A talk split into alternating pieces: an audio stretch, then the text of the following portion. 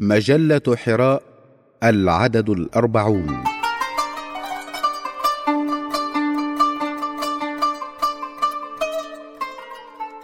تناغم المعنى والمبنى في الهندسة المعمارية. إطلالة على الجامع الأخضر بقلم محمد كول كونول.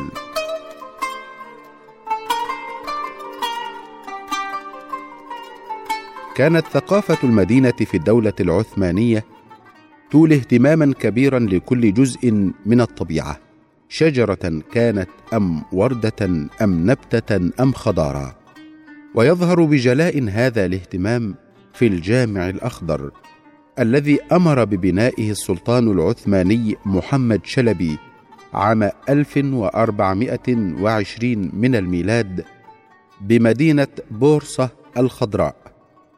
ثم أمر بنقش زخارفه بعده السلطان مراد الثاني عام 1424 من الميلاد. فليس ثمة مكان أنسب للسكينة والراحة من هذا الجامع الفريد ببنائه وطبيعته. فمن زقزقة العصافير إلى خرير المياه الهادئ إلى حفيف أوراق الأشجار التي تنساب نغمات على نافورة الميضأة الرخامية. ينشأ جو تبتهج به الروح وتنجذب إليه العقول والألباب. إنه الجامع الأخضر الذي يلامس المشاعر والأحاسيس في كل موسم جديد تنساب من بين الأوراق الكثيفة وقت الأصيل حزم أشعة الشمس الدافئة. لتحول الباحة والجناح الغربي من الجامع إلى خيمة تبعث الراحة والطمأنينة في قلوب ضيوفها الزائرين. يلعب الأطفال ويمرحون على عشبها ويرتاح الشيوخ تحت أشجارها الوارفة. وإذا ما حل موسم الخريف تتوشح هذه الباحة اللون الأصفر لتعرض لضيوفها محاسن الطبيعة بأبهى صورها. يقول الأديب التركي أحمد حمدي طان بينار الجامع الأخضر بفنه المعماري البديع هو دمج بين خضرة الوديان الخلابة وزرقة السماء الأخاذة. أما الشاعر الفرنسي بيار لوتي فيفصح عن أحاسيسه فيقول أثناء دخول الجامع أجد نسمات الدفء تلامس وجهي. ثم أشعر وكأن الضوء الخافت اللطيف في الممر يفسح لي الطريق ويبينه. وفي حال دخول العالم الداخلي تتحول هذه المشاعر إلى سكينة تسكن شغاف قلبي.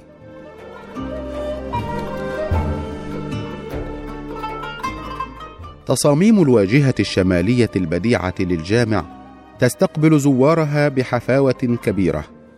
ولا تدعهم يلجون الجامع إلا بعد أن تقدم لهم باقة أزهار مزخرفة تفوح منها رائحة تاريخ مجيد.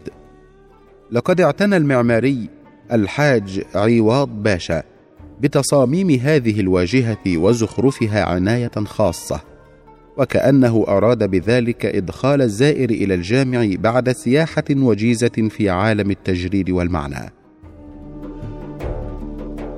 يتكون الجامع من طابقين. عندما ندخل إلى الرواق نرى أربع نوافذ تحتية اثنتان منها على اليمين والأخرى على اليسار. ويتوسط كل نافذتين من هذه النوافذ محراب خارجي أي صيفي.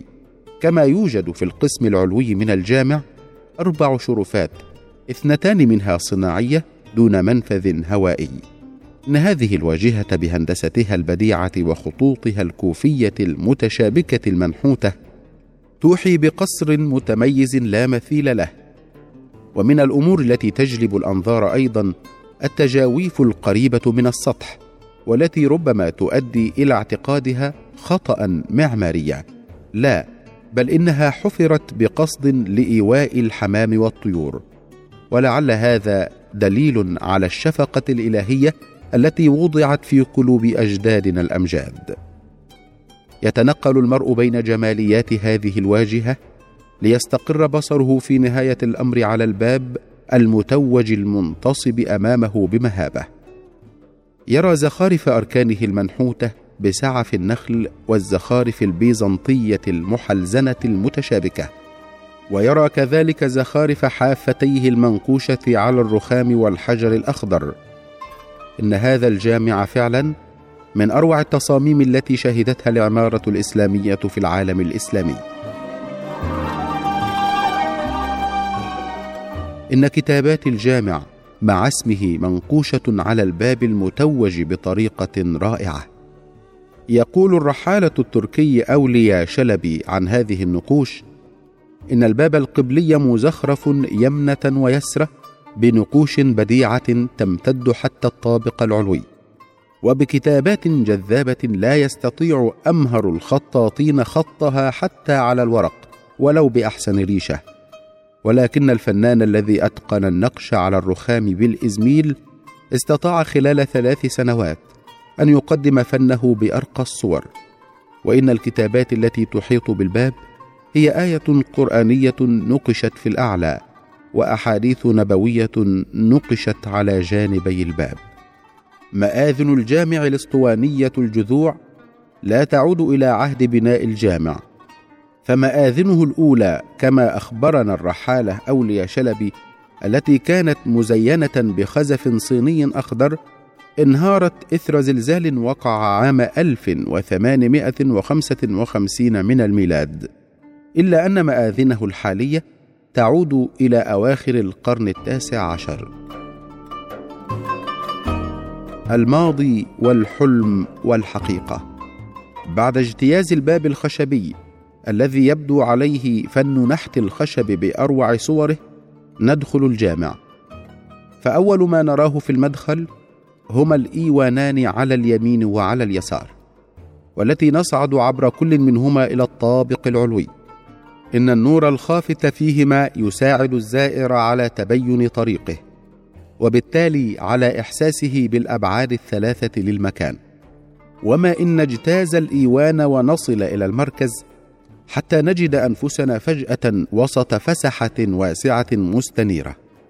وهنا يعلق نظرنا بالميضاءة الرخامية تلقائية. يقال إن صوت الماء الذي يصدر من هذه الميضاه يمنع وصول أصوات المتكلمين في المحفل العلوي إلى الطابق الأرضي. تم وضع مخطط الجامع الأخضر على شكل تي المعكوس وهذا الشكل كان منتشرا ومزدهرا في مدينة بورصة في تلك الآونة حيث سماه أهل المدينة بالشكل المجنح. علما بأنه مستلهم من الفن المعماري السلجوقي إن معظم الجوامع في بورصة مسقوفة بقبتين رئيسيتين متعاقبتين باتجاه المحراب وتتصل هاتان القبتان بقنطرة مقوسة جميلة. أما حجر الزاوية المذهبة الموجودة في وسط القنطرة الكبيرة فتعد أهم عنصر في ربط القبة بالقنطرة. إن النافذة الثمانية الأضلاع أعلى القبة الأولى تعكس أشعة الشمس على الجدران الداخلية بشكل نقاط متلونة. أما الإيوانات الجانبية التي يصعد إليها عبر درجة واحدة والتي تشرح صدر الزائر بجوها الهادئ اللطيف تزيد على المساحة الداخلية فسحة وسعة روحية. تم زخرفة هذه الإيوانات بشكل مسدس بالخزف الأخضر الصيني المذهب. ثم ملئت الفراغات بين الخزف بمثلثات فيروزية لكي تبدو وكأنها ختم سلمان. وكما هو الحال في الجوامع الأخرى لمدينة بورصة فإن هذه الإيوانات خصصت لمجالس الدروس أو مجالس الاستشارة أكثر من تخصيصها للصلاه ونحن غارقون في التأملات في عالم الزخارف والتصاميم داخل الجامع. يشد نظرنا فجأة محافل المؤذنين والمحفل السلطاني الذي يعلوها. زينت جدران محافل المؤذنين بالخزف الأخضر الداكن السداسي الشكل. أما سقفها فزين بالخزف الأخضر والداكن الأزرق والأصفر وفي بعض الأماكن بالخزف الأحمر. ولرؤية المحفل السلطاني ينبغي الصعود إلى الطابق العلوي لذا نعود إلى المدخل فنرى في هذا الممر الأعمدة البيزنطية ورؤوسها. ثم يظهر أمامنا باب صغير فيه سلم حلزوني عمودي ضيق. فلا يمكننا إلا أن نتسلق عليه لنصل إلى المحفل السلطاني. وخلال السير نحو المحفل نرى على اليمين واليسار غرف الديوان الأربع المنفتحة على الداخل والخارج. تبدو وكأن هذه الغرف المربوطة بالممرات الضيقة ترخي على هذا القسم من الجامع شيئا من الغموض. ومما يشد أنظارنا هنا هي الخزف والتنانير والجدران والمحراب والأبواب الخشبية المزخرفة وأما المحفل السلطاني الذي يصلي فيه السلطان فنرى أشكال نجوم منحوتة على جدرانه وسقفه لمحاكاة السماء الصافية في الليل هذا وقد صممت واجهة المحفل بطريقة تتيح للسلطان رؤية قسم كبير من أرض الجامع. النور المتدفق من السماء. إن القسم الذي أقيم عليه المنبر والمحراب وهو القسم لأداء الصلاة يرتفع عن أرضية الجامع بثمانية وتسعين سنتيمترا كما يبلغ علو الجدران هنا ثلاثة أمتار ونصف وهي مزخرفة بالخزف الأزرق الداكن ذي الخطوط البيضاء وقد نقش على جهة اليسار من المحراب بيت شعر فارسي يلخص فكرة إنشاء الجامع مشيرا إلى انقضاء أيام المحن والمصائب فيقول يظن الظالم أن بوضع أغلال الظلم في أعناقنا قد ظلمنا.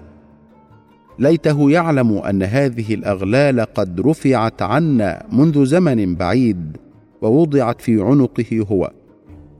وقد نقشت لوحتان دائريتان على النافذة اليمنى واليسرى. كتبت فيهما سورة النبأ.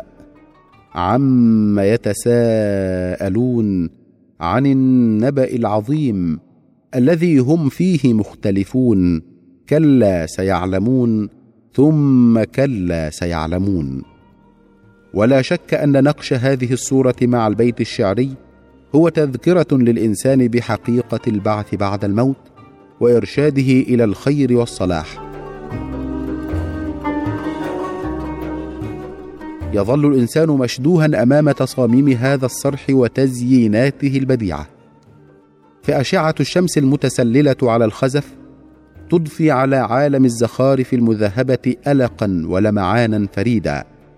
تشعر وكأن كل قطعة من الجامع تنشد قصيدتها أو تسبح ربها وتدعوه بلسان حالها. لكن بصوت جماعي موحد. يقول الأديب التركي أحمد حمدي طان بينار الجدار والقبة والمحراب والخزف كلها تدعو وتسبح بحلتها الخضراء. ولا يفوتنا في هذا المقام أن نذكر محراب الجامع الذي يعد آية في الجمال. حيث نرى على جزء كبير منه أجمل فنون الخط الكوفي والثلث. ثم نرى اطارا داخليا منقوشا بالأزهار وتاجا مزخرفا بأزهار الزنبق وانماطا هندسية بديعة بأبهى صورها وأشكالها. ثم لفظ الجلالة الله المنحوت داخل المحراب بمهارة. وكأن ذلك كله هو تذكرة للإنسان بعلاقته الوثيقة بربه وأن فلاحه لا يتأتى إلا بالتوجه إليه والتمسك بحبله. والحق يقال إن لهذا المحراب سورة ساحرة خاصة به فكأن أمهر الأيادي قامت بنقشه خطا خطا ونسجته خيطا خيطا في مكان سري في الكون ثم نفخت فيه الحياة ووضع على الحائط القبلي ليزيد على جمال الجامع جمالا.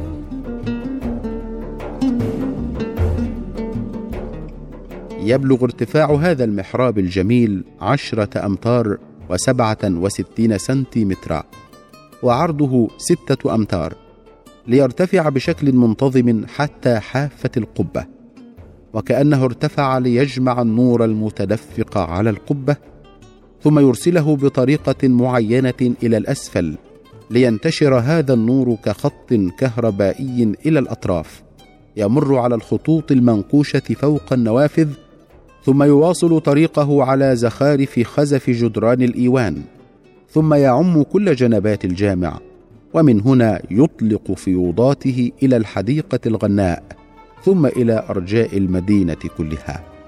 ومع أن الجامع يبدو من الخارج بسيطا متواضعا إلا أن شهرته اكتسبها من زخارفه ونقوشه الداخلية البديعة. ولقد عمل أكبر وأشهر فناني ذلك العصر لكي يقدموا الذوق الفني الرفيع في العمارة الإسلامية. فهنا نجد بجلاء امتزاج قدرة الفنان المعماري مع رقة الفنان التشكيلي. بل حتى مع العالم والشاعر في تشييد هذا الصرح الأخضر السامق بأسمى صوره. يقول الرحالة أولياء شلبي أهل المدينة يقولون أن لا مثيل لهذا الجامع في بورصة. والسياح الأجانب يقولون أن لا مثيل لهذا الجامع في العالم.